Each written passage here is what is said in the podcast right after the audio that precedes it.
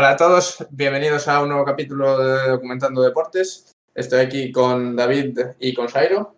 Buenas. Boas. Y en, esta, en este episodio vamos a comentar el documental eh, titulado The Last Dance eh, o El último baile, que mm, salió eh, el año pasado, concretamente el 19 de abril de 2020, y eh, se centra un poco en la trayectoria de Michael Jordan eh, en general y en particular eh, en, el, en su último año, bueno, último año, en el, su último título, eh, conseguido en la temporada 97-98 eh, con los Chicago Bulls. Y mm, claro. no sé si quieres añadir algo más, así como introducción, chicos. No... Sí, bueno, eh, Michael Jordan é, é nos Bulls que a xente tende a olvidalo, incluso por o propio Michael Jordan tende a olvidar que que en baloncesto son cinco na cancha máis os suplentes, porque non só Michael Jordan ganou seis anillos, quero decir, seguramente e de feito mm. notouse moito, eso se no propio documental, por exemplo, cando lles faltas un xogador como Scottie Pippen ou incluso Exacto. Dennis Rodman, non sin eles non teñen conseguido nada. Eh, sí, realmente un documental, fesa que se centra na figura de Michael Jordan, porque obviamente acapara todos os focos, vai dos éxitos conseguidos po, polos Chicago Bulls dos 90. Sí, exacto. En realidad, claro, el documental se podría haber llamado Michael Jordan, pero no se llama Michael Jordan, yo creo precisamente por eso. Se llama El último baile porque es el, el lema que usó eh, Phil Jackson para su última temporada como entrenador de los, de los Bulls. Y que es un poco como el eje central del documental. Y a partir de ahí, pues van como contando toda la trayectoria de, de Michael Jordan, ¿no? van e veñen, por decirlo así, non? Porque sí. hai para diante, para atrás, eh, temporada non sei que, temporada non sei canto, ganamos, ahora estamos en finales, ahora estamos nos inicios, pero bueno, sí que é certo tamén que, a ver, podíase chamar Jordan o documental, pero en algún capítulo dedícase un pouquiño máis a, a algún xogador en concreto, ou a Pippen, ou a Steve Kerr, ou algún destes, non? Entón, bueno, Queda, queda chulo así, non? Pero está claro que o documental vai por quen vai. Eu só teño, vou facer unha nota aclaratoria antes de, de comenzar a tertulia. E é que me estaba poñendo moi nervioso, porque conforme eh, iban pasando os capítulos, non se falaba de Space Jam. moi nervioso, de verdad. Non, non podía entender un documental de Michael Jordan sin Space Jam. Ata que Nunca capítulo claro. falan un pouquiño, sí. A ver, falan algo que teñen que falar, é unha película tampouco, non sei. Para que a xente entenda o, o que comentábamos do tempo, o documental centrase nesta temporada 97-98 que Phil Jackson chamou The Last Dance, o último baile, pero a vez hai unha parte documental na que nos vamos avanzando nesa temporada e outra parte documental na que avanzamos desde a chegada de Jordan eh, aos Chicago Bulls, porque recordemos que non foi drafteado por eles, senón que eles eh, acordaron eh, traspasalo tan pronto fose drafteado. Nos inicios de Jordan cos Chicago Bulls, hasta precisamente chegamos a enlazar en ese momento que a temporada 97-98 pero pasamos por todas as temporadas que estuvo nos Bulls, incluíndose mil retiro de 18 meses no que decidiu xogar ao béisbol. Sí, un apunte, Xairo. Eh, si yo no estoy equivocado, que me ha sonado un pouco raro, eh, Jordan fue drafteado por los Bulls. El que no fue fue Pippen. Y, y él fue quien fue traspasado. Yo lo tengo que apuntar así. Mm, creo que no, eh. Creo que a Jordan o collera outro Yo equipo, no. Eh, Uf, ahora Eh, miramos. min en, en No, pero, Jordan fue el tercer pick. pero sí que Primera foi, ronda foi puesto Pippers, 3 por Chicago. foi Pippers que, que, que Sí, teña notado Pippen. como un, chanchullo do draft? Que, o sea, chamas o día anterior o equipo ah, que sí, supostamente sí, sí, o vai a, a coller no draft para ofrecerlle pasta para que realmente o collan, porque ao mellor non o iban a coller, iban a coller a outro. Entonces, chamas a un equipo para que collan ao xogador que ti queres para pagarlle ese equipo despois por ese xogador.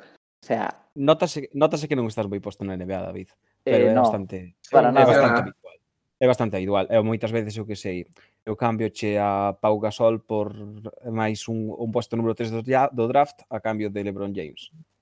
Ou estes bueno. dous xogadores máis un puesto 36 do draft a cambio de dous xogadores teus. Quero dicir, sempre se meten nos non é tanto como sí. funciona o fútbol europeo, por así dicilo, por claro, decir... un exemplo eh, máis tocable de fichajes con cartos, senón que cambian valores, por así dicilo, as franquicias mm. NBA.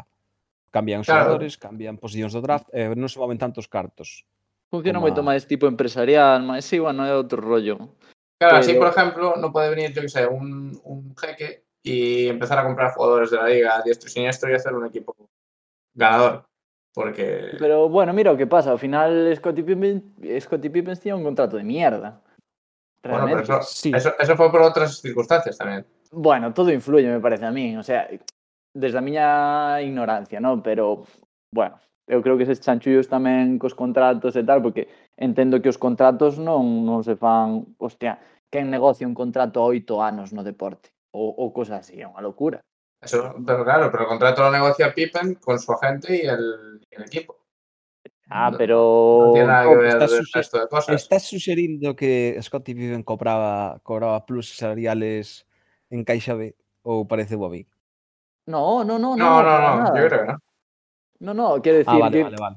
que eu penso que o chanchullo ese do draft, bueno, ou ese mm, procedimento tan habitual na NBA, quero decir que, que ten certas connotacións. A mí pareceme que, por exemplo, o tema dos contratos tamén o meten un pouco por aí, é dicir, eh, bueno, non sei, algo de carto se ten que mover por aí máis B ao mellor, pero non, non me refería a Scott Vivens en concreto, pero no, joder, chamas a un equipo e dices, mira, eh, colleme a este do draft, e, e o equipo dixe, vale, vas de facer un contrato de oito anos cobrando unha merda, porque eso repercute ao final na miña franquicia, en como eu negocio tamén cos do draft. Quer decir, non sei, é un pouco rayo. A mí parece un pouco rayo.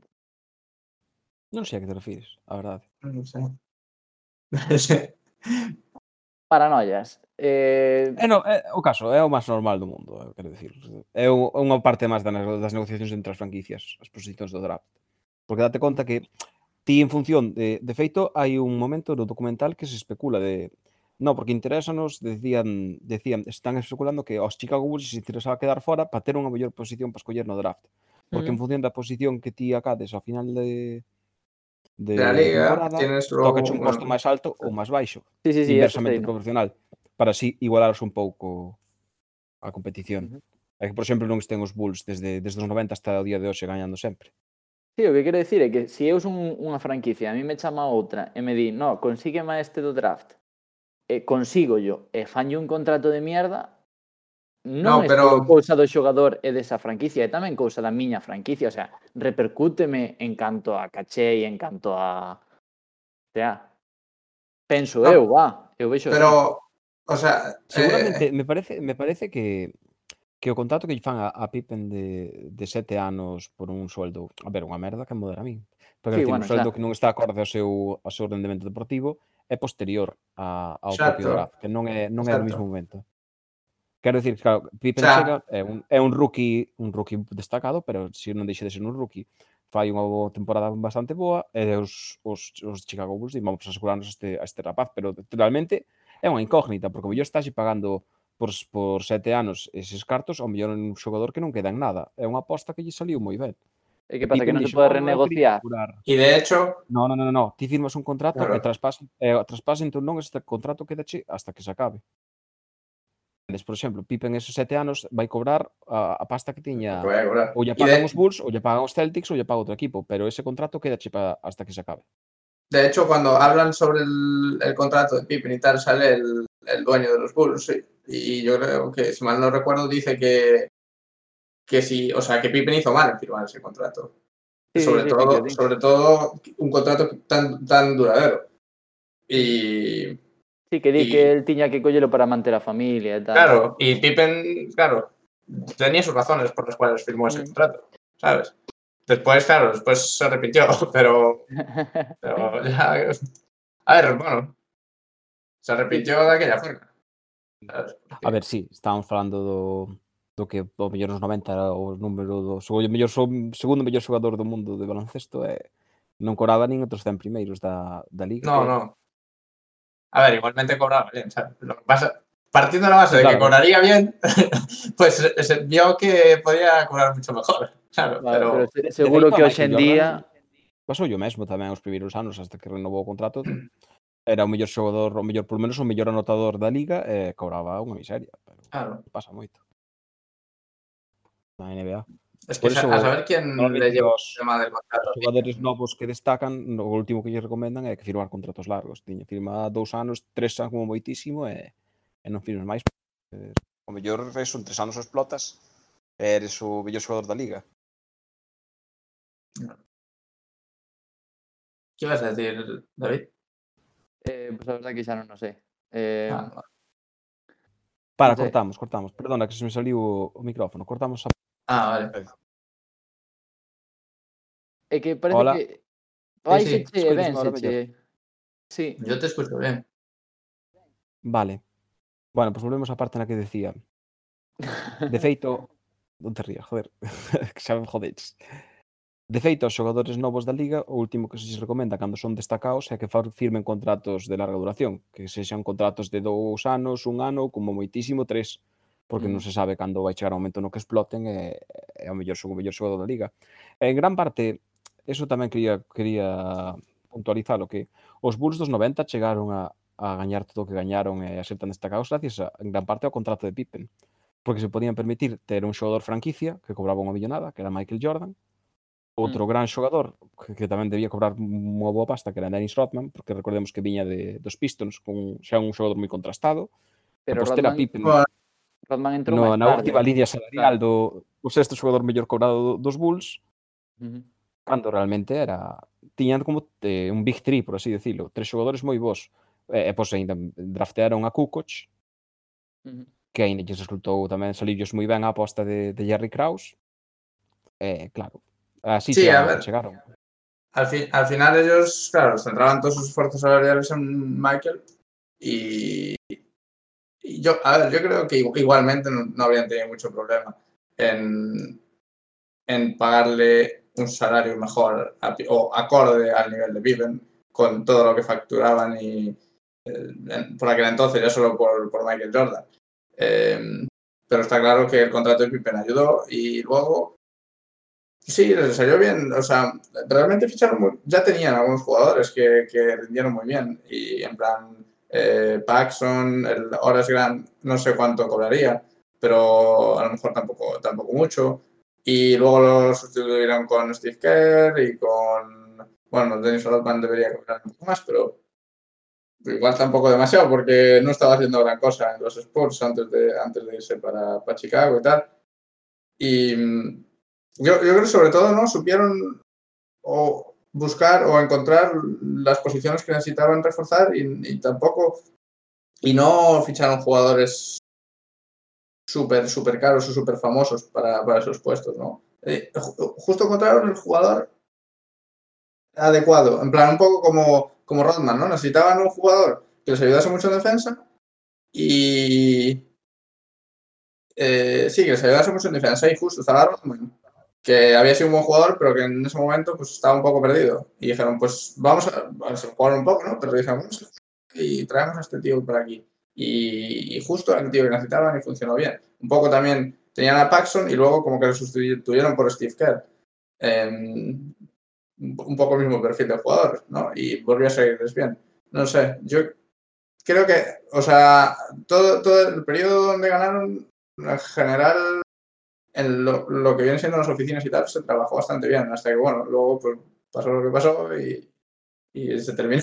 Pero bueno, No, todo, todo mérito de, de, Jerry Krause, non? Pero que ao final sí que lle recoñecen un pouco ese, digamos, danlle ese crédito de decir, no? se non fora porque Jerry Krause eh, conseguiu organizar estes xogadores, e este adestrador e este equipo técnico e tal, non se faría nada, a pesar de que o a caer dun burro desde o minuto un.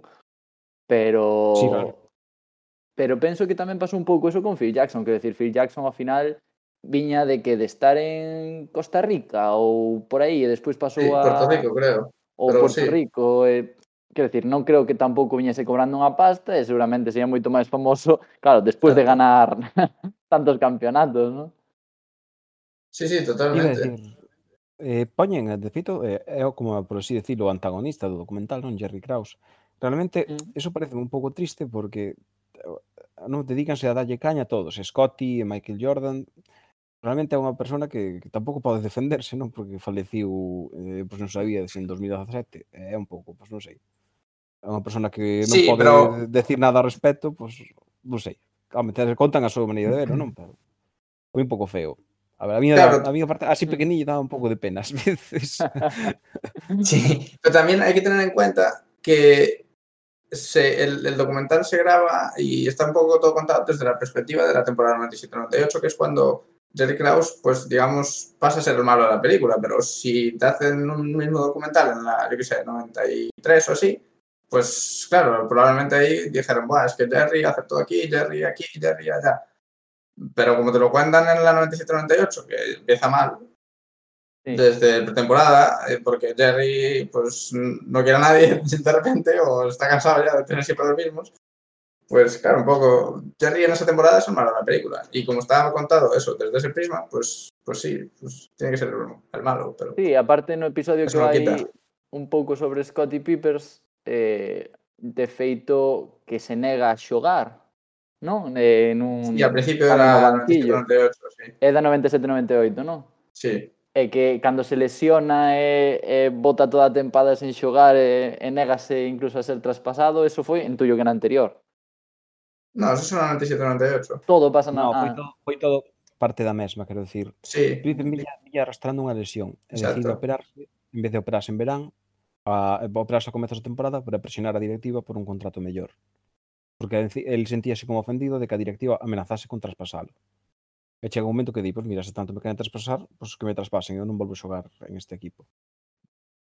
De Scottie Pippen, eh, realmente no documental, ten como dúas caras, non? Por un lado, a, eh, a cara amable de o gran defensor, o gran asistente, o, o escudero do, o Robin do Batman que supón que é Jordan, e por outra parte de eh, Scotty aí foi egoísta, ou por un episodio que viremos despois tamén durante un partido. Mm. Digamos que sae ben na maioría das partes, pero sí que hai veces que lle dá bastante caña.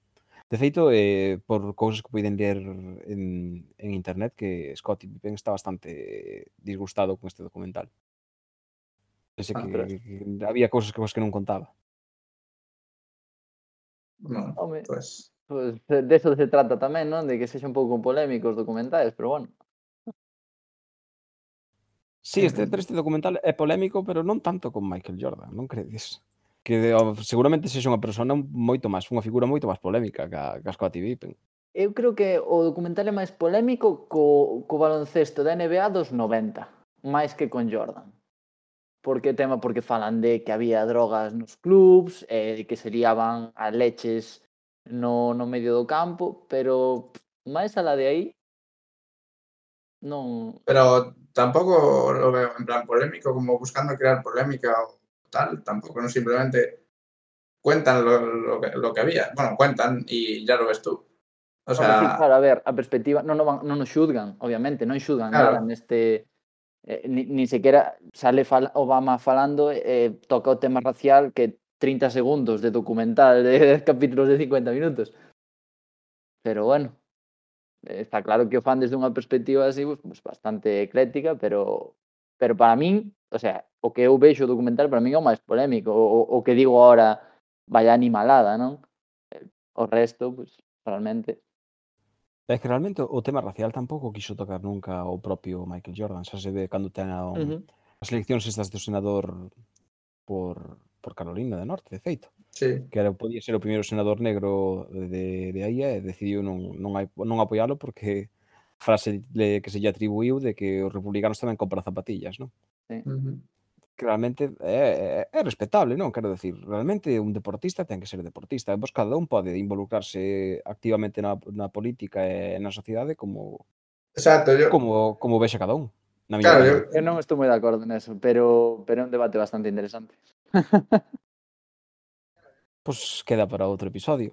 Sí, porque creo que si empezamos con ese debate eh, sobre por que os, os grupos oprimidos teñen que reivindicar certas accións, pues penso que nos vai a levar bastante tempo. Pero bueno, esa parte sí. tamén é opinión propia. E... No, ao mellor un día facemos un podcast simplemente de opinión, off topic. Bueno, algo de opinión que meterse, non? Se comentamos documental na máis que busquen en Wikipedia. Pero, sí. pero sí, sí, sí, como sería moi interesante. Anotámolo, recordádelo, queridos ointes, e nos esquecemos, pero anotámolo como posible episodio bonus. Parece que traballa no Twitter, pode poñer unha enquisa, ao mellor se O, o que traballa en Twitter, se nos estás oindo. Fai unha enquisa se sobre... estás oindo, te... non che vamos mellorar o contrato de sete anos por 0,1 euros que tes. De momento non. Ata que empecemos a, a, a monetizar, nada. Non, pero bueno, Vaya sí que, a ver, é un documental que realmente non se mete en, en polémica.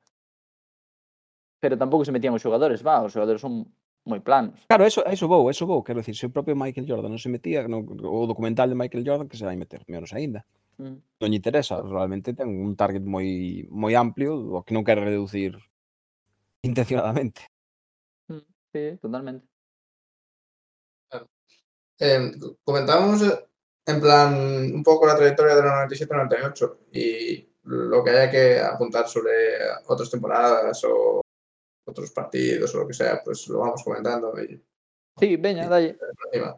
Bueno, eh, pues empieza la temporada en la pretemporada y que había ellos venían de ganar eh, el campeonato en la 96-97 eh, que era el quinto campeonato que ganaban y para esa nueva temporada pues había problemas ¿no? con, con Jerry Krause sobre todo em, con la gerencia que porque bueno Jerry no estaba no estaba de acuerdo, o sea, como que yo creo que Jerry sentía que se le ponía mucho énfasis a, a Michael Jordan y a, y a a Pippen como lo- los, los jugadores, porque él- gracias a ellos se ganaron los, los campeonatos y no a que Chicago ganaba los campeonatos. Entonces, él no, no estaba contento con eso y, y de hecho comentó que eso, que los jugadores no ganan los campeonatos, pero los, los equipos sí que los ganan. tal. Y eh, entonces, pues Jerry también quería echar, bueno, quería echar, sí, decidió que Phil Jackson no iba a entrenar más a, los Chicago Bulls después de esta temporada. Sí, de feito creo que lle dixo algo así como inda que ganes 80-0 ou aunque ganes 82-0. No vas a entrenar el año que viene. Sí. Y Phil Jackson dijo, muy bien. Entonces era el último año de Phil Jackson. Y Michael Jordan, eh, bueno, cuando le comentan esto de que Phil Jackson no va a entrenar el año siguiente, tal, no sé qué, pues Michael dice que él no va a jugar para ningún otro entrenador que no sea Phil Jackson. Entonces, a partir de ahí, pues empieza a especular también que puede ser el último año de Michael Jordan. Mm. Y, eh, Recordemos y- que... sí. Sí, perdón, Pascal, sí que sí. Nada, simplemente iba a decir que ahí, pues como que empieza la introducción a cómo empieza la temporada también. Ujú. Sí, que recordemos que, vale, quere largar a Phil Jackson, pero realmente el foi o máximo valedor de que Phil Jackson empezase no, no na franquicia. Sí, curiosamente. Sí, totalmente. Sí, empeza aí e eh, viaxan a París para, Exacto. para un torneillo de, uh de pretemporada. Que sí, pero eso lo que comentamos, ¿no? coincidiu coa figura de Michael Jackson e eh, de Michael Jackson, sí. de Michael Jordan. Todos son negros. Ui, no. no, bueno, máis ou menos. Eh, coincide un pouco a figura de Michael Jordan a interna internacionalización da, da NBA, que se produciu sobre todo a finais dos 90, que de feito comento o propio David Stern, que di que antes a NBA mm. eh, transmitíase en X países e ahora en 210, que prácticamente son case todos. Sí. Eh, foi froito claro. dese intento, intento de internacionalización, van os Chicago Bulls a París a botar un torneo de pretemporada. Sí, ya que estamos... Feito, Dime, di, David. Sí, que me, aquí sí que fago un paralelismo un pouco co que se decía no documental de Fernando Alonso. E é que son un pouco pioneiros nese sentido en darlle unha repercusión tan grande a un deporte, ou máis que un deporte, a NBA neste caso, non? Que, que Michael Jackson foi como o pioneiro Jordan. da expansión, ou, joder, Michael Jordan foi o pioneiro da expansión de, de un pouco da, da NBA a nivel internacional, eh, e tamén decía Obama propiamente, non? De, da importancia de, de que tuvo Jordan o, o ter tanto nivel e a darlle tanto bombo ao que o, o equipo dos Bulls a situar a Chicago no mapa, non? E incluso a identificación da xente obreira con, con ese equipo, porque recordemos que Chicago, bueno, eh, sempre foi unha máis eh, comunidade negra e demais, e xente obreira, entonces bueno, tamén había esa identificación. Sí, yo creo que hay que contextualizar un poco eh, el, el documental, ¿no? Estamos hablando de que cuando empieza Michael Jordan a jugar, bueno, cuando entra en la liga es en el año 1900 1984. O sea, en el 84, pues no existía internet, no existía teléfono móvil, eh, lo que sea, no existían muchas cosas que tenemos hoy en día. Hoy en día, por te levantas por la mañana y coges el móvil y dices a ver cómo queda el pulso y a la noche. Y lo miras y en 5 segundos ya, ya sabes cómo queda. ¿no? Pero Sí. por aquel entonces, pues había gente que jugaba al baloncesto aquí, en Europa, y que sabía que se jugaba al baloncesto en Estados Unidos. Y luego la gente que no jugaba al baloncesto aquí probablemente, probablemente no, no, tu- no, no, no tuviese ni idea de que también jugaban en Estados Unidos o lo que sea, yo qué sé. Entonces, claro, todo el, el, el fenómeno de Michael Jordan y, un poco, si queréis, hablamos del tema de los Juegos Olímpicos del 92, que también comentan eso, que ayudó a la expansión y a la internacionalización de, de la NBA. Sí. Eh, sí, No. de feito creo que foi a, gran intención de Bueno, Sí, justo. primei- primeiro internacionalizala e segundo que, que Estados Unidos eh, tiña a sospeita de que non iban a ganar demasiadas medallas sospeita, eh? nada máis, porque ao final foi un bastante éxito como case sempre ese país, pero bueno, eh, bueno, tiñan a sospeita abuso, que non, non iban ter moitas moitas medallas e dixeron, bueno, pois pues levamos a, a aquí o, o Dream Team. Mm, exacto. Que realmente dos, dos mellores xogadores da historia estaban aí. Recordemos que era un equipo con, con Larry Bird, con Magic Johnson, con Michael Jordan, con Scottie Pippen, Christy Kai, pero igual había unha ausencia, non? en ese equipo ideal, por así decirlo, que era de Isaiah Thomas. Es verdad. Din, que por problemas, pero non se pode confirmar. Creo que sí, eso... Pero, pero bueno, tam sabe... le echaron mucho en falta, eu creo. A ver, realmente as cousas como son. Podían ir co, co segundo mellor equipo da NBA de ganar a medalla de ouro, igual, sobre todo en aquela época. Sí, claramente. Sí, no, iban moi sobrados. De feito, agora, de, dende esa, todos os equipos de Estados Unidos que vai van aos Xogos Olímpicos teñen a mala costumbre de chamalos Dream Team. Non, non, non. Dream Team era ese equipo de Barcelona 92 con esos xogadores. non calquera equipo que se faga agora con xogadores de NBA que vai a, aos Xogos Olímpicos. Quería puntualizar eso, porque desde, desde que Covid dixen, oh, mira, quero decir isto no, no podcast. No, no, capítulo, no capítulo este que falan do, do, das Olimpiadas, Mm, é que aparte o que dis ti é como un, unha expansión non do, do baloncesto eh, estadounidense ou americano, como lle queirades chamar eh, falan, meten tamén un poquinho o tema das marcas, porque ao final eh, Jordan foi unha marca, acabouse convertindo nunha marca e a expansión cultural de NBA está asociado ás marcas, obviamente os típicos comerciales, non? De, bueno, non vou a decir marcas, ven a sabedes todos. Eh, anunciando zapatillas de baloncesto, camisetas e demais son as marcas potentes, non? E fala, falan neste capítulo sobre cando Jordan pon a... Bueno, ganan, obviamente, as Olimpiadas, se pon a bandeira americana cubrindo a, a marca do, do chándal, porque non lle parecía eh, respetuoso ou non lle parecía normal que el tuvera un contrato con, con Nike para facer as, as súas zapatillas a ser Jordan, non? E levase outra marca do Silvan. Claramente, eh, ata que punto lle foi útil en ese sentido? Porque eh, aí volvemos a, ao que se lle chama efectos Streisand. Quero dicir, ti queres que non se fale de algo e, eh, e con ese tipo de condutas ao final consigues que se fale o doble. Non, non sí. o contrario. Seguramente en os, nas oficinas de Reebok estarían frotándose as mans de oh, mira, que fixo Michael, ahora todo o mundo vai falar de que nós vestimos ese equipo. Pode non ser. Credes? Bueno, no sé si entrevistan a alguien de Reebok o, no, pero yo, yo creo que los de Reebok tampoco estaban muy contentos con lo que había hecho. A lo mejor a posteriori sí que les fue bien, ¿no? Pero en ese momento no lo vieron con muy buenos ojos. Pero bueno. De hecho fue lo que se comentaba, ¿no? Bueno, lo que se comentaba. Lo que dan a entender que se comentó mucho los siguientes días a, la ceremonia de entrega de medallas y, tal. Pero bueno. Non sei, eu penso que Sí. Jordan se, se sabía vender e vendeuse como el quería, Sí, exacto. eh, pero non sei hasta que punto sacou un rédito de todo eso, realmente. Si foi por, por puro narcisismo, porque obviamente Jordan era narcisista a morrer, É, é, No. Era, sigue, eh, segue sendo, está vivo. eh. era, era, bueno, sigue sendo é egoísta eh, no sentido de que, joder, o que decía de do de Carolina do Norte, non, todos compran eh, zapatillas, bueno, pois xa sabemos o que quería Jordan, non? Entón eu penso que venderse, vendeu el como quixo, asesorado ou non, non o sei, eh, que reito lle sacou tampouco, pero está claro que ao final saiulle todo moi ben. Sí, no, pero yo creo que Cyrus se refiere también a que, a que Reebok al final le sacó rédito a la historia también. Porque claro, se habló de ellos. O sea, Jordan igual quería que no se hablase de ellos, pero se habló de ellos precisamente porque él no quería que se viese. No? Por exemplo, vos, vos pensades que a historia este de Reebok teria saído no documental de 2020. Claro, exacto. Non se non chega a ser porque Jordan Justo. fixo iso. Ah, por exemplo, Justo. por poñer un exemplo tangible.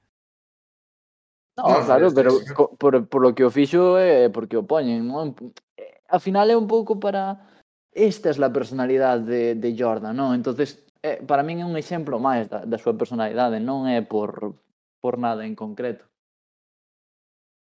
bueno, digamos que era unha persona moi competitiva, non? Que é, é algo que teñen con un, case todos os atletas que chegan á élite do seu deporte. Porque non, todo isto da personalidade competitiva non é non é a primeira vez que falamos neste neste podcast. Podemos sí, falar de Carolina Marín, podemos falar de Fernando Alonso, pero está claro que ao final todos, todos os deportistas que chegan á, á élite do, da súa actividade son personas que na súa propia vida común son competitivas.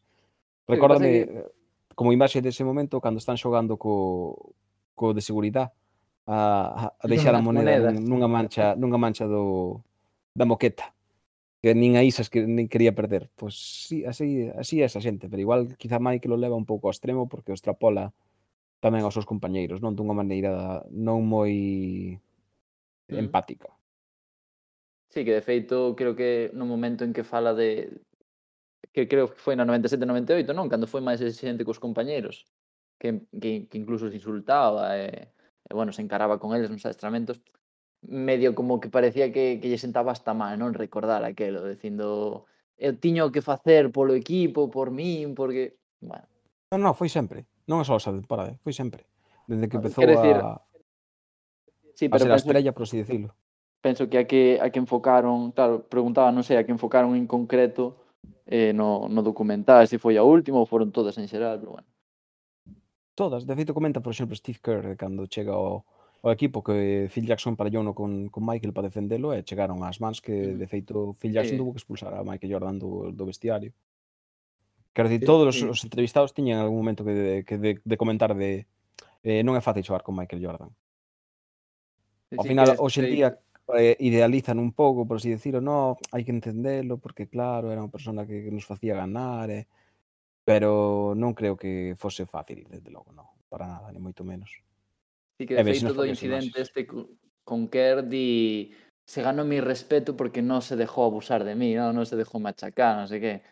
Es tío, a ver. Eu penso que vai máis alá do, da competitividade, creo que hai máis matices no tema no tema Jordan, pero bueno. Te digo, para min é moi narcisista e que ten frases como es genial ser admirado. Bueno, bueno, es genial ser admirado, pero despois queixaste de que non podes sair á calle porque hai centos de personas que, que, que están aí, ¿no? Bueno, non sei. Eh, Claro, hay cosas buenas y hay cosas malas. Al final, Pero iso como a todo, o que sei.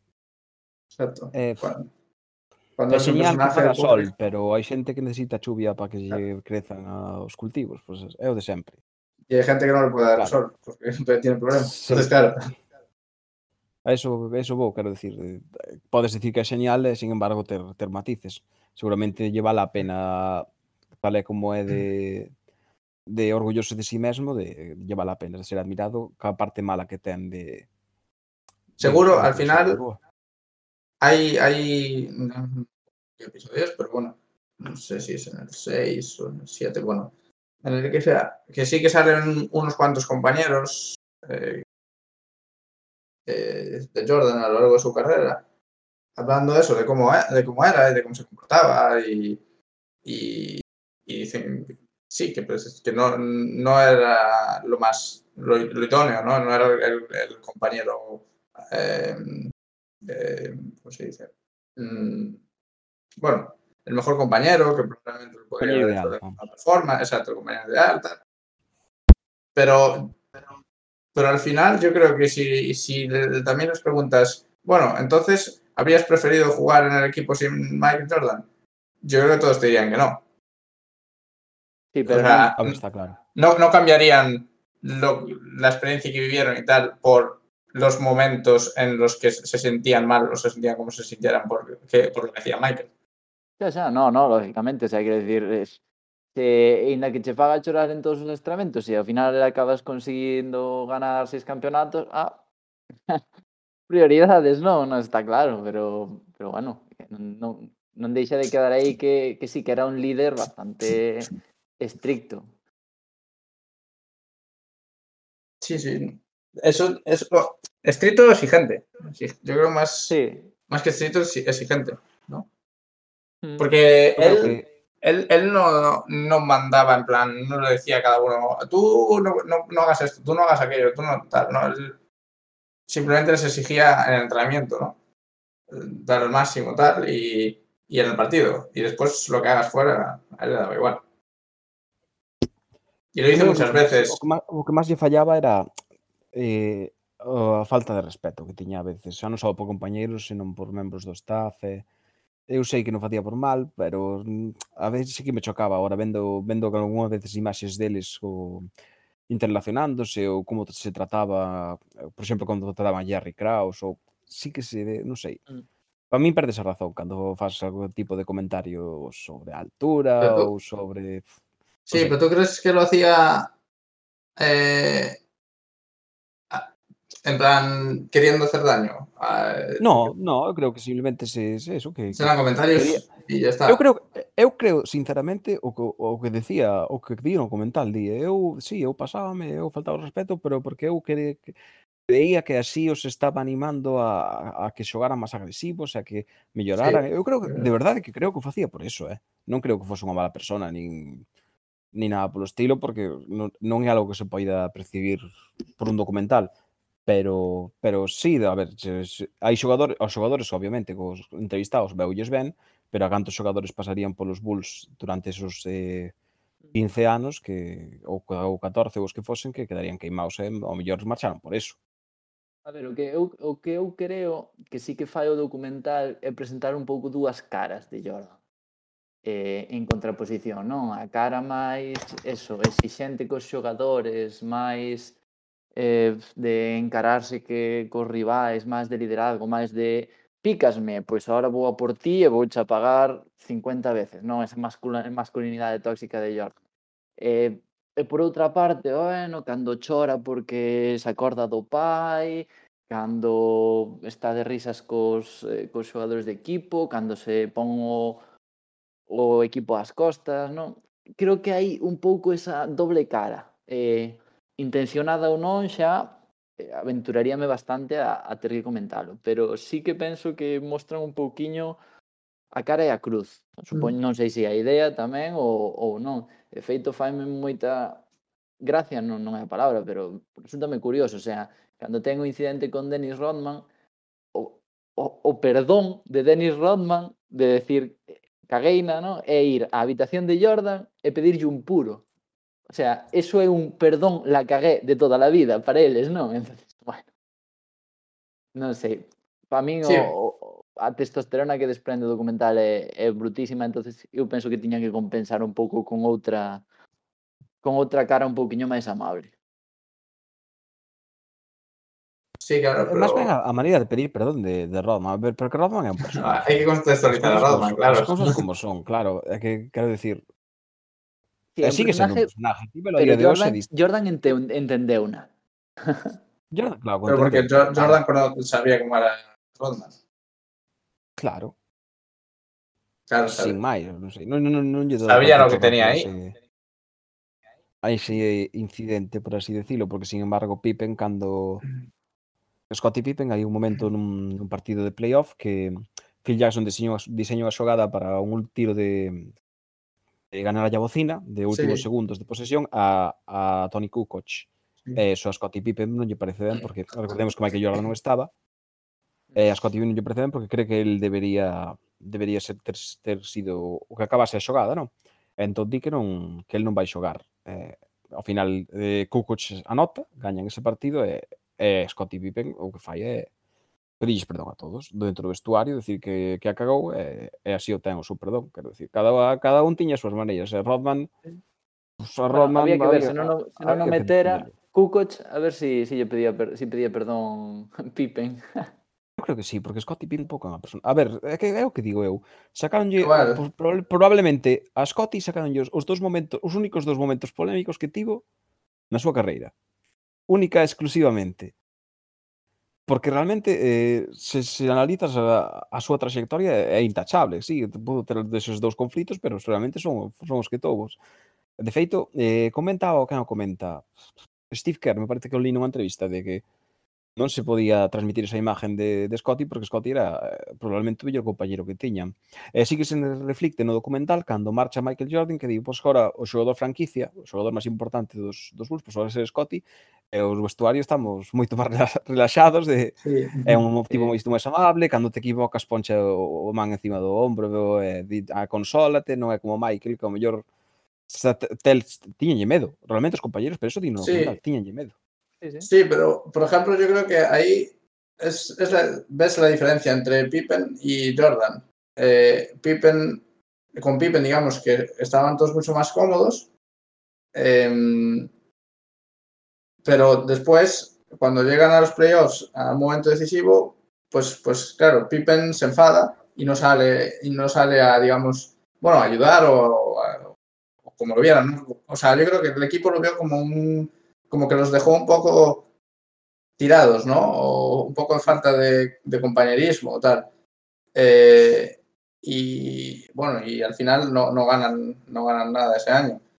Eh, y Michael Jordan los, los sería peor compañero o, les exigiría más y los intimidaría más, pero cuando, cuando hay que hacer un, o sea, cuando alguien tiene que jugársela, por ejemplo, muchas veces a él, pero si se la tiene que jugar a Steve Kerr, él le dice, si yo no puedo tirar, te la paso a ti.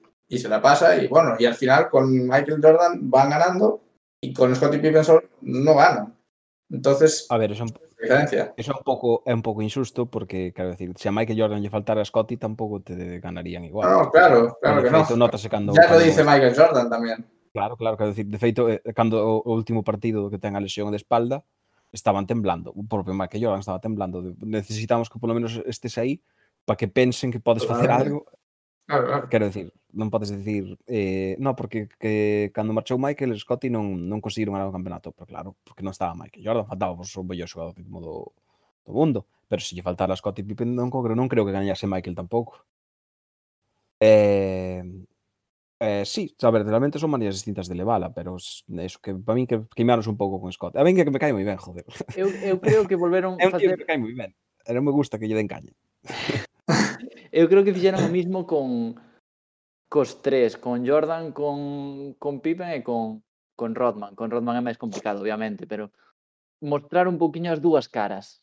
Sí. Entonces quixeron quitar ese esas partes malas, non, por decir así, de, de Scotty e, e despois poñer todo o bo, obviamente.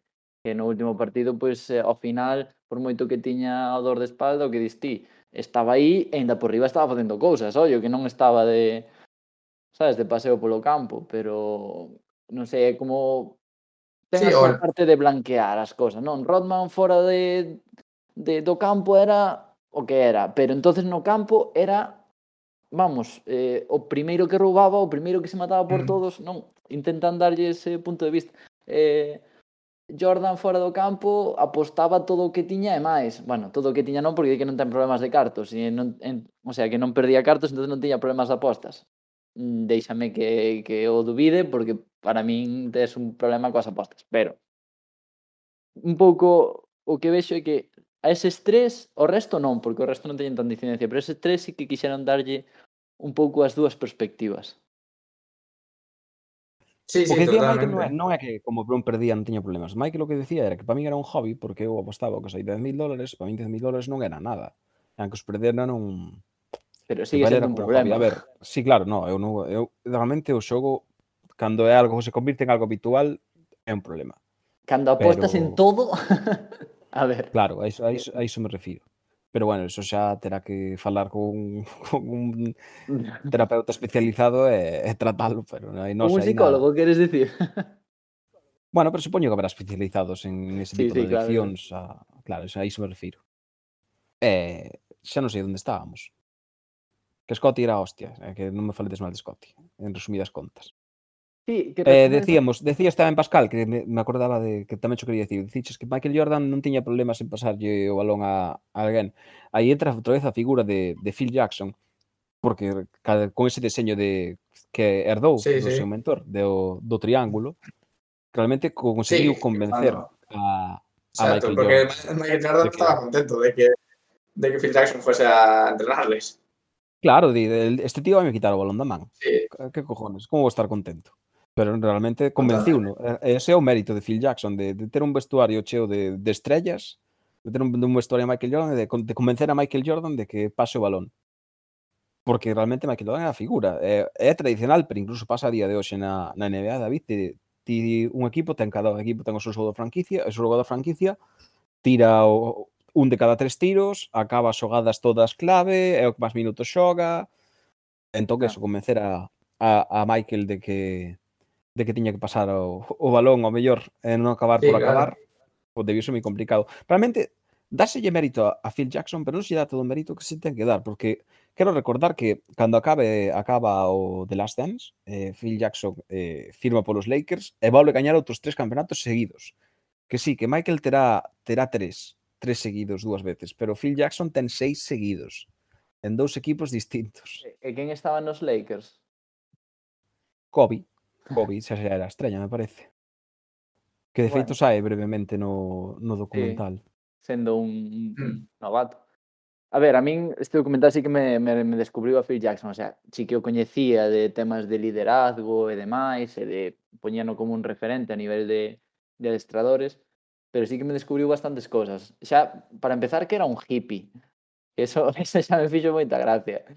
Pero, pero o tema de... É que se conserva mellor hoxe en día que nos 90. No, xa, flipas. Eh, de que non deixe de ser chamativo. Facer estiramentos cos xogadores que naquela época, oye, me parece que era bastante avanzado, porque hai xente a día de hoxe que non fai yoga, nin, nin terapias de relaxación cos xogadores, e aí xa o facía daquelas.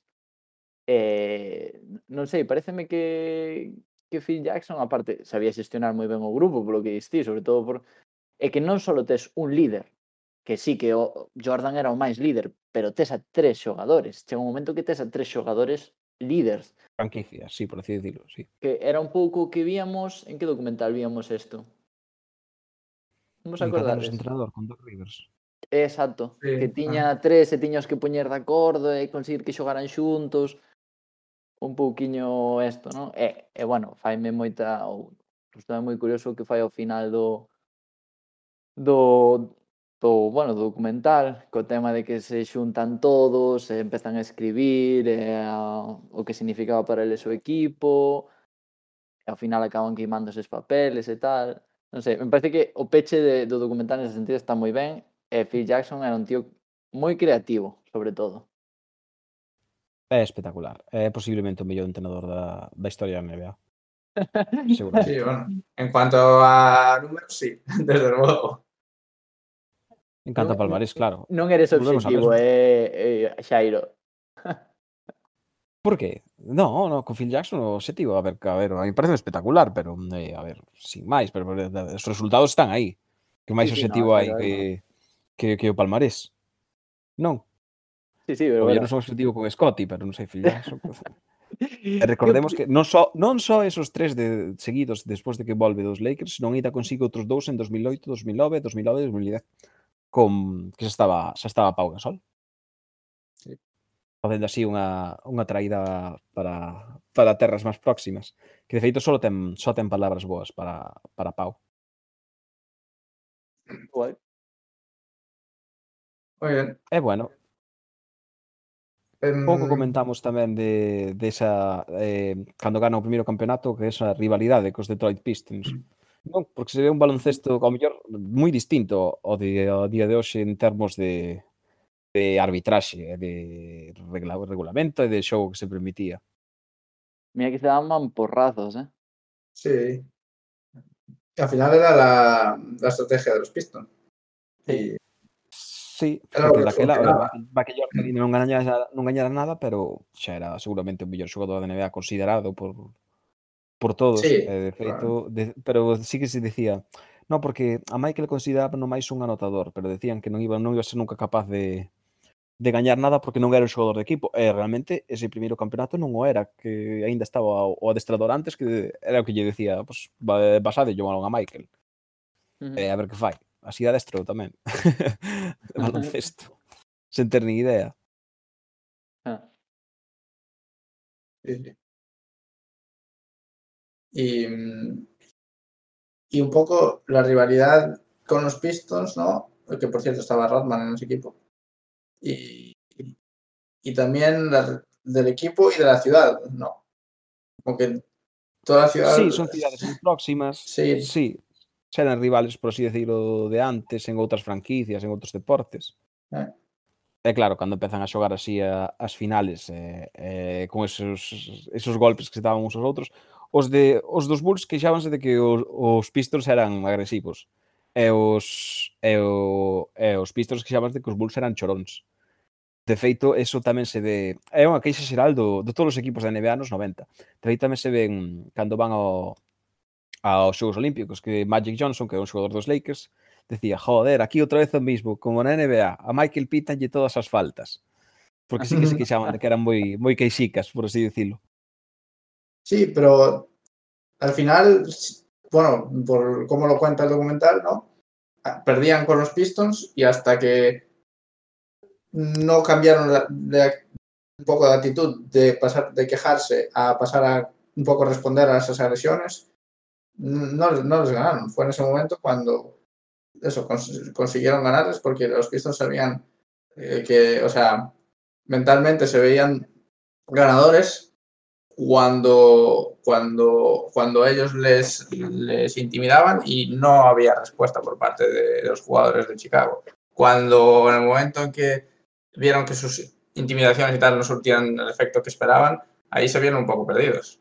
Porque yo creo que en cuanto a baloncesto, Chicago era mejor. Sí, que de eh, feito, sí. de, de, de, cando perden, o sea, despois de perder a primeira con Detroit, e cando enfocan, non, que Jordan empeza a muscularse, todo mm. o rollo, e despois fan eso, non, que, que se ve que Scottie Pippen dan un unha leche, e, pff, sin máis, pasa de todo, ¿no? De, tranquilo, e sí. entonces que se empezan a desquiciar os outros, e o que diste, non surte efecto esa, esa intimidación, ao final acaban ganando. Que de feito ganan e os de Detroit marchan e non lles dan a man. Exacto. Un xesto moi feo. A mí dame igual o que diga a Isaiah Thomas a día de hoxe. Ese xesto eh, é moi feo. Da igual contra quen estes perdendo, que sean os teus rivales ou que sexan, vamos, enemigos bélicos. Eso non é, de, eso non é deporte. Non é deporte, as cousas como son. Bueno. Ni eu son tampouco maior fan dos Bulls, pero quero decir, eso non se fai. Se perdes a man, esa está. Eh, eh, sodes, sodes compañeiros de deporte, non sei, na miña opinión. Ah. Sí, sí, sí, ao mellor Bueno, ves, ao mellor eh, Jordan non faría eso, pero Jordan se ten que matar a alguén no campo, mata o para pa gañar, o sea que, bueno, son formas, un son máis de facelo dentro do campo, outros fora. Pero bueno, sí que me, tampouco, a mí me parece unha falta de respeto. Eh, sí, claramente. Eh, eh, pouco máis, gananlle dúas finales seguidas a Detroit, eh, xa buscan un, un enemigo novo, que pasan a ser o, os Phoenix Suns. Sí, durante un tiempo. Bueno, no, perdón, no, estamos saltando o tempo no que Michael decide que, que, que o baloncesto non é para él. Perdón, perdón, perdón. Que o baloncesto aburre ya. Bueno, de, ven unha época na que Michael Jordan pasa por un... ganan tres finales consecutivas, non? Eh, pasa por unha época de decir, e agora que, non? Que é un pouco tamén volvendo, dios, como un lazo volvendo ao documental de Carolina Marín, non? De cando gana o, os Xogos Olímpicos que se pon na, na, na pista de atletismo co, co adestrador. E dille, ora que, non? Que realmente un deportista de elite ten que ter un obxectivo. Michael Jordan poñíase a, el, a sí mismo obxectivos para motivarse. Eh, vamos a ridiculizar a este xogador porque me dixo unha frase que en realidad non me dixo, pero eu vou dicir a todo mundo que sí, e vou picar con el. Pois sí, sí realmente a motivación a largo plazo sí que lle faltaba un pouco. E despois empeza todo todo o xunto da polémica de, de que se, se é adicto ou non é adicto ás apostas. Que en ese feito, contexto...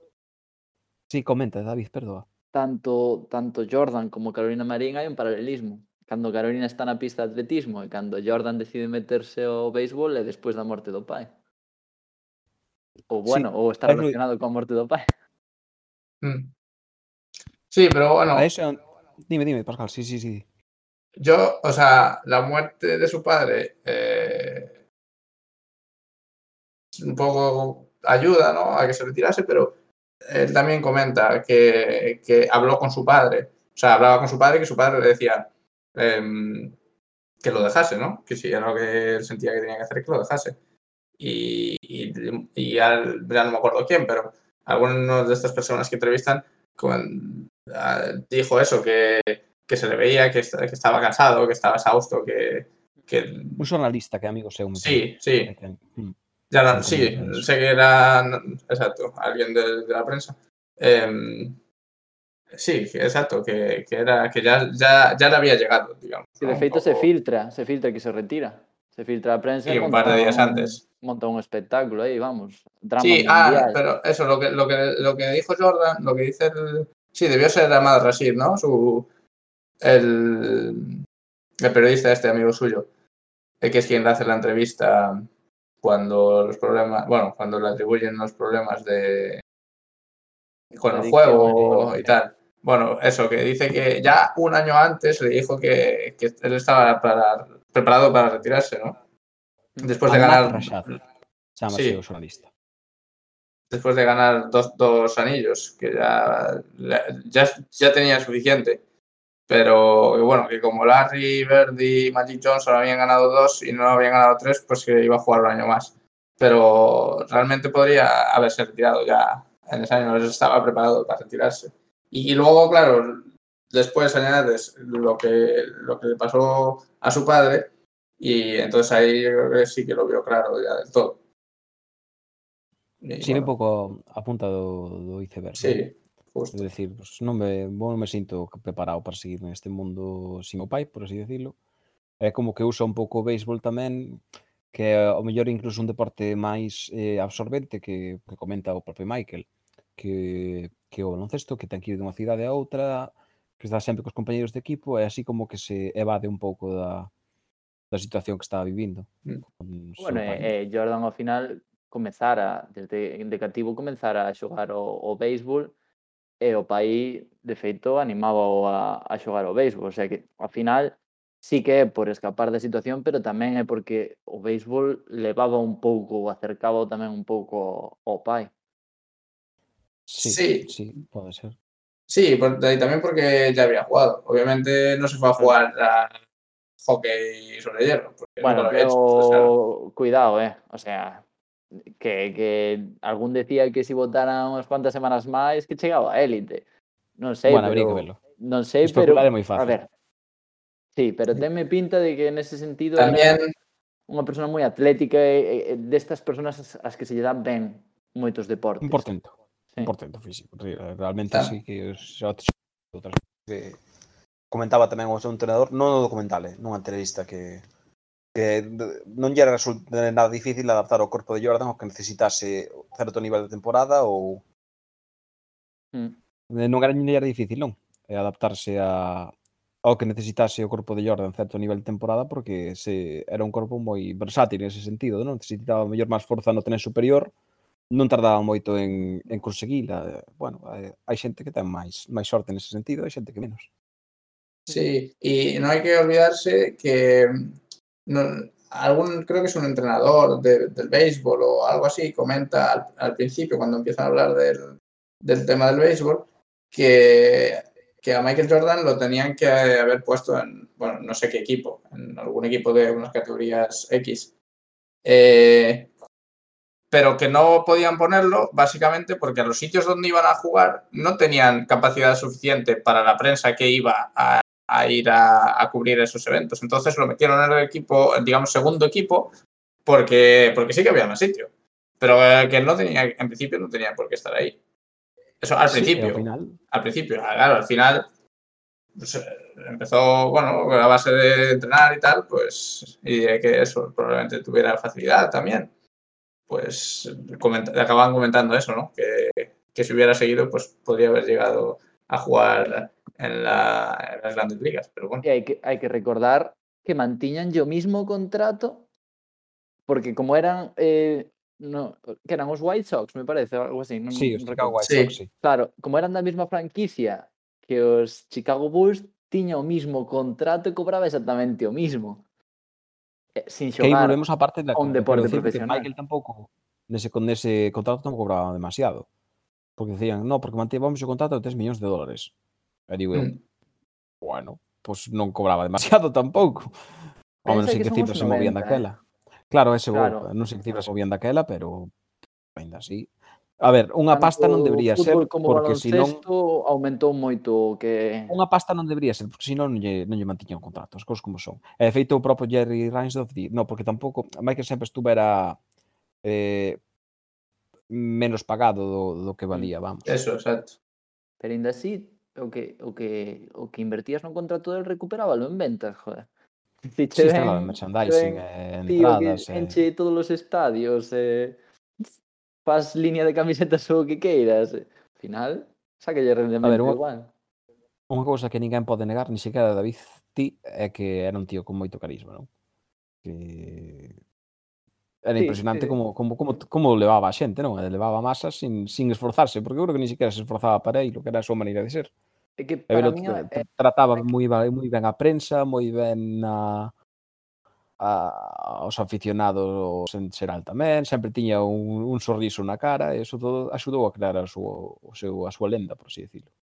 Aí, Sí, sí, sí, hay una, hay una bueno, frase o una idea que repite creo que un par de veces en el, en el documental Michael Jordan y que ayuda ¿no? a, esto que estamos comentando, a, a su carisma o a eso, que fuese la gente y tal, ¿no? Y es que él, dice eso, que por ejemplo en un momento dice que si hay gente, bueno, o toda esta gente que viene hoy a verme dedica tres horas de su día a venir a, a ver el partido o a verme a mí o lo que sea, yo tengo que darles lo máximo de mí porque, porque es lo que, eso, como que yo les debo eso, por venir, ¿no? Y, y luego otra vez creo que comenta que en, en todos los, en todos los partidos que voy a jugar habrá una persona que no me haya visto nunca jugar y que ha ido a verme jugar. Entonces yo tengo que dar lo máximo de mí para esa persona. Mm. Y un poco yo creo que eso al final la gente que va a verlo y tal lo, lo percibe. Pero hay muchos jugadores muy buenos, pero que tú vas a ver un partido a lo mejor y ese partido pues eh, no se implica 100%. Yo no digo que Michael Jordan se implicase 100% en todos los partidos porque no los he visto todos, obviamente. Eh, No, sobre temporada, temporada regular, Claro, igual había algún partido que le daba un poco más igual, ¿no? Pero eh, probablemente no fuesen tantos, o yo qué sé. Y yo creo que eso la gente como que lo percibes. Tú si hay otro jugador que dices, "Buah, es muy bueno, pero la mitad de la temporada pues va al 70% así. Tú también lo ves y, y a lo mejor no, no quieres ir. O sea, no quieres ir, me refiero. Eh, si, si vas a hacer otra cosa un día, pues dices, bueno, pues voy a hacer esto, eh, que total, ya le veré en otro partido o algo así, o no me voy a perder gran cosa, ¿no? Pero a lo mejor con este, pues sí que tenías eso, es- esa cosa de, jolín, pero a lo mejor si no voy hoy, pues yo qué sé. Eh, perdome algo espectacular. claro, ¿sabes? No lo sé, no lo sé, pero probablemente eso también ayudase un poco a que fuese tanta feito- gente, a que siguiese tanta gente, no sé. De feito, o señor este que o acompañaba, que ao final di que, que foi como un pai para él, non? O de seguridade, eh, Gus, creo que lle chamaban, Sí, eh, Gus Letty. collía en todos os partidos a un neno que non coñecera a Michael, a Michael Jordan e le- e metía no vestuario para que lle firmase e tal, o sea. Pero bueno, eu sí que creo que aparte do que diste Pascal, que é moi un tío moi eso, que dá todo no campo e que sempre parece que pasa algo, non? Fora do campo que di, o que di Xairo, tiña moito moito carisma, eh, pero porque eu creo que el destacaba e realmente se creía, o sea, es yo lo, yo soy la hostia e me lo creo. E eso facía, non, esa autoconfianza, ese complexo un pouco de superioridade non facía que fora un pouco máis excéntrico. De feito, di, ao principio, cando chega da, da universidade, eh, non era era bastante tímido e tal, pero que en canto empezou a destacar un pouco que xa non, como se, que se volveu máis extrovertido e que realmente xa tiña ese carisma, non? Eso de, de vacilar cos medios e de, bueno, de empezar a, a facerse ver, non? A facerse ver un pouco máis. Entonces, bueno, eu sí que penso que obviamente é unha figura relevante nese sentido. Eh, tives a outros xogadores que poden ser moi bons, pero a mellor cos medios non teñen esa chicha que, que che vai a dar un xogador así. Sí, sí, está moi ben sintetizado. Non teño máis que engadir, a verdade, en ese sentido. Valemos de que de momento casi non falamos eh, eh hai chicha de, de Dennis Rodman. Mima. Valemos de, de Dennis Rodman. Que opinades de De necesito dous días de permiso. Y bueno, Vale, podía haber dicho que tú, ¿no? Se marcha volve. Pero claro, pero Phil deulle dous días de permiso. Pero porque E de Phil, fe- di, di o Rodman, o propio Rodman, Phil sabía que yo necesitaba eh, liberarme, ¿no? Sí, sí, tal cual. Y, lo necesit- y a lo mejor lo necesitaba o no, pero bueno, era lo que Rodman pensaba en ese momento. Y también porque Rodman a saber cuándo pidió los dos días de permiso. Si los pide antes de jugar el séptimo partido de la final, no se los da. Pero bueno, seguro que Rodman no los pide tampoco en ese momento. Entonces, claro, eh, eso otra vez, yo creo que ahí eh, volvemos a Phil Jackson un poco. O sea, Rodman era como era.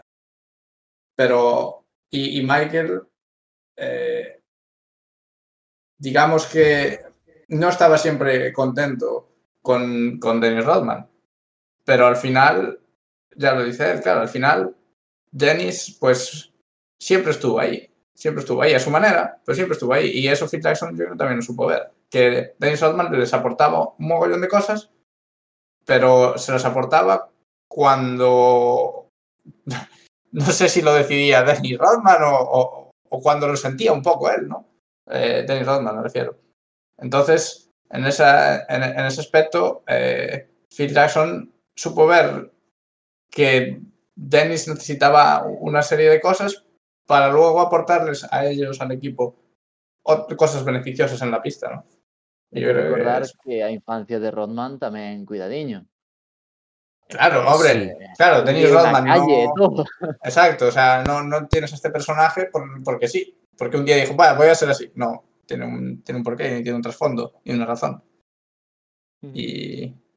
A ver, al final. Claro, que a ver, por exemplo, Michael, vale, eh, tendo en conta que é unha, un, era un neno afroamericano nunha comunidade máis, máis ou menos blanca, digamos que o tivo difícil, pero non tanto, digamos que vivía unha familia con, digamos, certas comodidades, non tanto como Dennis Rodman, que realmente aos 17 anos estaba na rúa. Sí. Que o propio Dennis di que o, o baloncesto salvoume de non ser un narcotraficante ou un vagabundo. Exacto, es que es lo que os iba a comentar. ¿Cuántos Dennis Rodman habrá por ahí que están eso, en la calle o con problemas de drogas o tal? Y pues problemas montón, de drogas sigue estando igual, eh? Bueno, me refiero, sin jugar al baloncesto.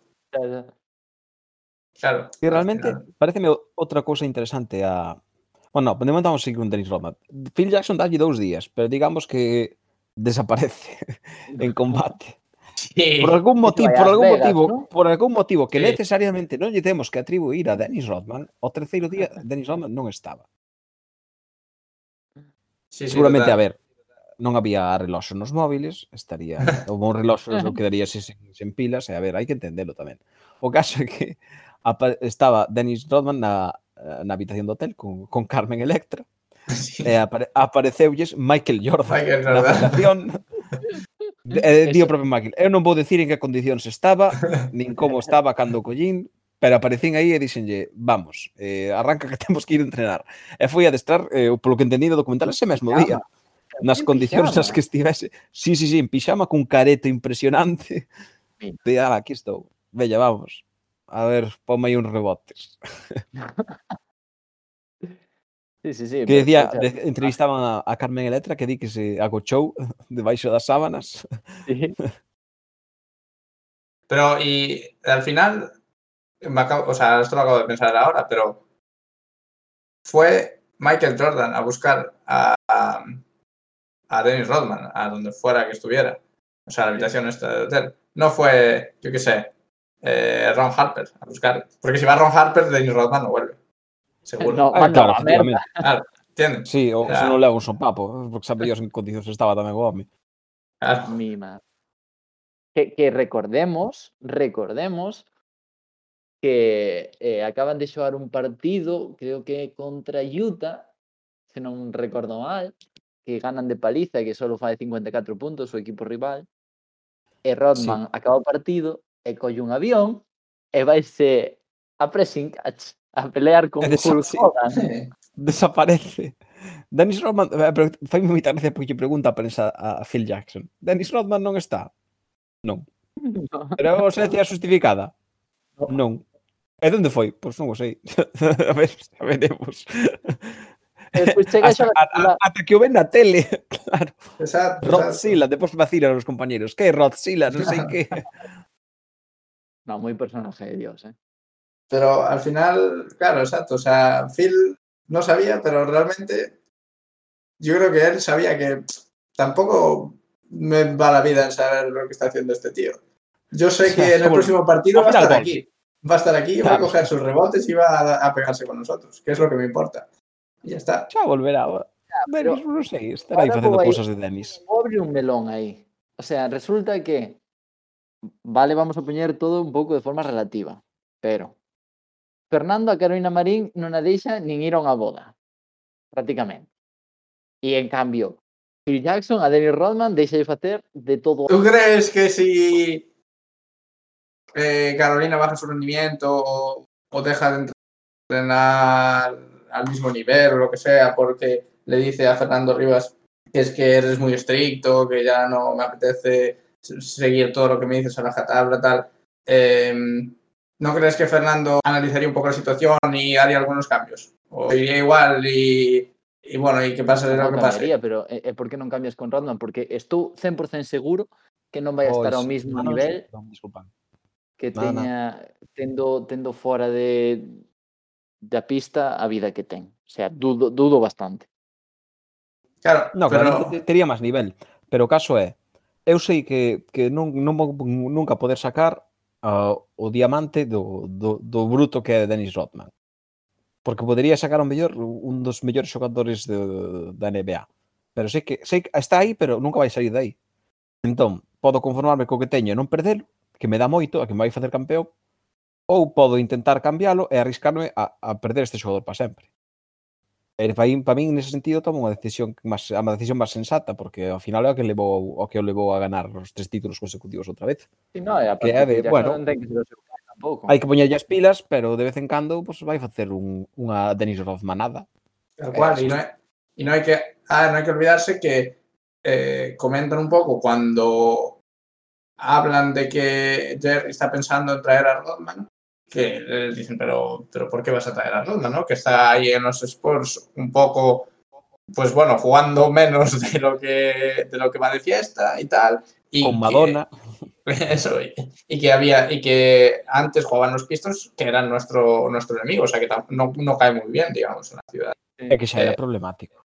Claro, o sea, dicen, pero tú es en qué estás pensando, tal, y bueno, y Jerry Krause, pues dice, pues porque nos puede ayudar aquí, o bueno, él tenía sus motivos. Y, y al final, pues, acabó siendo un acierto. Sí, sí, sí. acabó No, siendo un acierto por eso. Y también porque, claro, Phil tenía claro, o sea, Rodman no era su jugador, su mejor jugador. Sí que era una parte importante, pero, pero no tenía que centrarse tanto en él como, por ejemplo, en, en Michael Jordan. Si Michael Jordan hubiese hecho cosas que pudiesen haber bajado su rendimiento, seguro que Phil habría hecho algo más. Pero, pero bueno, como no tenía. A ver, Jordan ya no habría hecho eso. Pero como repiten ao longo do, do documental varias veces, Jordan é o macho alfa deste deporte. Ou era nos 90, entonces queda todo claro, non? Que se é o mellor xogador de todos, que lle vas a decir? Vas a intentar... Eu, personalmente, intentaría sacar aínda máis del. Pero está claro que, bueno, Phil Jackson, uh, o seu estilo tamén era darlle esa, esa corda aos xogadores, non? Si, si pensaba que iban a sacar un potencial importante, pero bueno. Non sei, Sí, eu ver, con ao final- Rodman... Eu se eu tuvera no meu equipo, uf, Eu non o tería no meu equipo, pero claro, é moi fácil decirlo desde a situación abstraerse hasta aí é complicado. sí, sí, é Claro, complicado, é difícil. Pues es que tú, mírate en, el, en el- la posición de Phil Jackson. Igual no lo quería, pero es que sabía que si no lo tenían, les anotaban el doble de puntos. O bueno, igual el doble es mucho, pero uno muchísimo punto más. Entonces dicen, a ver, ¿qué hago? ¿Me lo No, quedo? para- Para telo sen xogar ou telo mosqueado ou creando mal rollo, pues no, mellor da- darlle días libres, está claro, está claro. También. O sea, entre esos dos, al final lo hizo lo, lo mejor que pudo y bien, el tema, al final. Ahí está que ganaron tres campeonatos seguidos. De Sí, nuevo. sí, sí. No, no, eso es in- eh, indudable. Y al final, o sea, Michael Jordan eh, man- mandará lo que mande o, y se comportará como se comportase con los compañeros y con, sí, y, y con los miembros del, del staff técnico del equipo y lo que sea. Pero él dice nada más empezar el, el, el documental, eh, eso que yo no voy a jugar para otro entrenador que no sea Phil Jackson, ¿sabes? O sea, y al final, bueno, pues, se retira porque Phil Jackson no sigue, ¿sabes? Sí, sí, sí. No, pero volve, volve un de ya sabes, no- sí, ya sabemos que vuelve. Ya, pues sí, pero bueno. O sea, volve máis ou menos. anecdóticamente, o sea, al final Sí. Michael Jordan deja de ser jugador de baloncesto cuando Phil Jackson deja de ser entrenador de los Bulls porque no va a jugar para tu entrenador. Eso yo creo que habla un poco del respeto y la admiración que tiene por Phil Jackson Michael Jordan. ¿no? Aí, sí, eh, eh, creo que tamén sabía sabía en parte Michael Jordan que o mellor outro entrenador non, non iba a ter os éxitos co, que iba a ter non só con Phil, senón que tamén co, cos, cos equipos que tiña. Michael, e de feito digo, eu prefiro retirarme así na grandeza que arrastrarme polo campo como fan algúns, por así mm. decirlo. Sí, pero...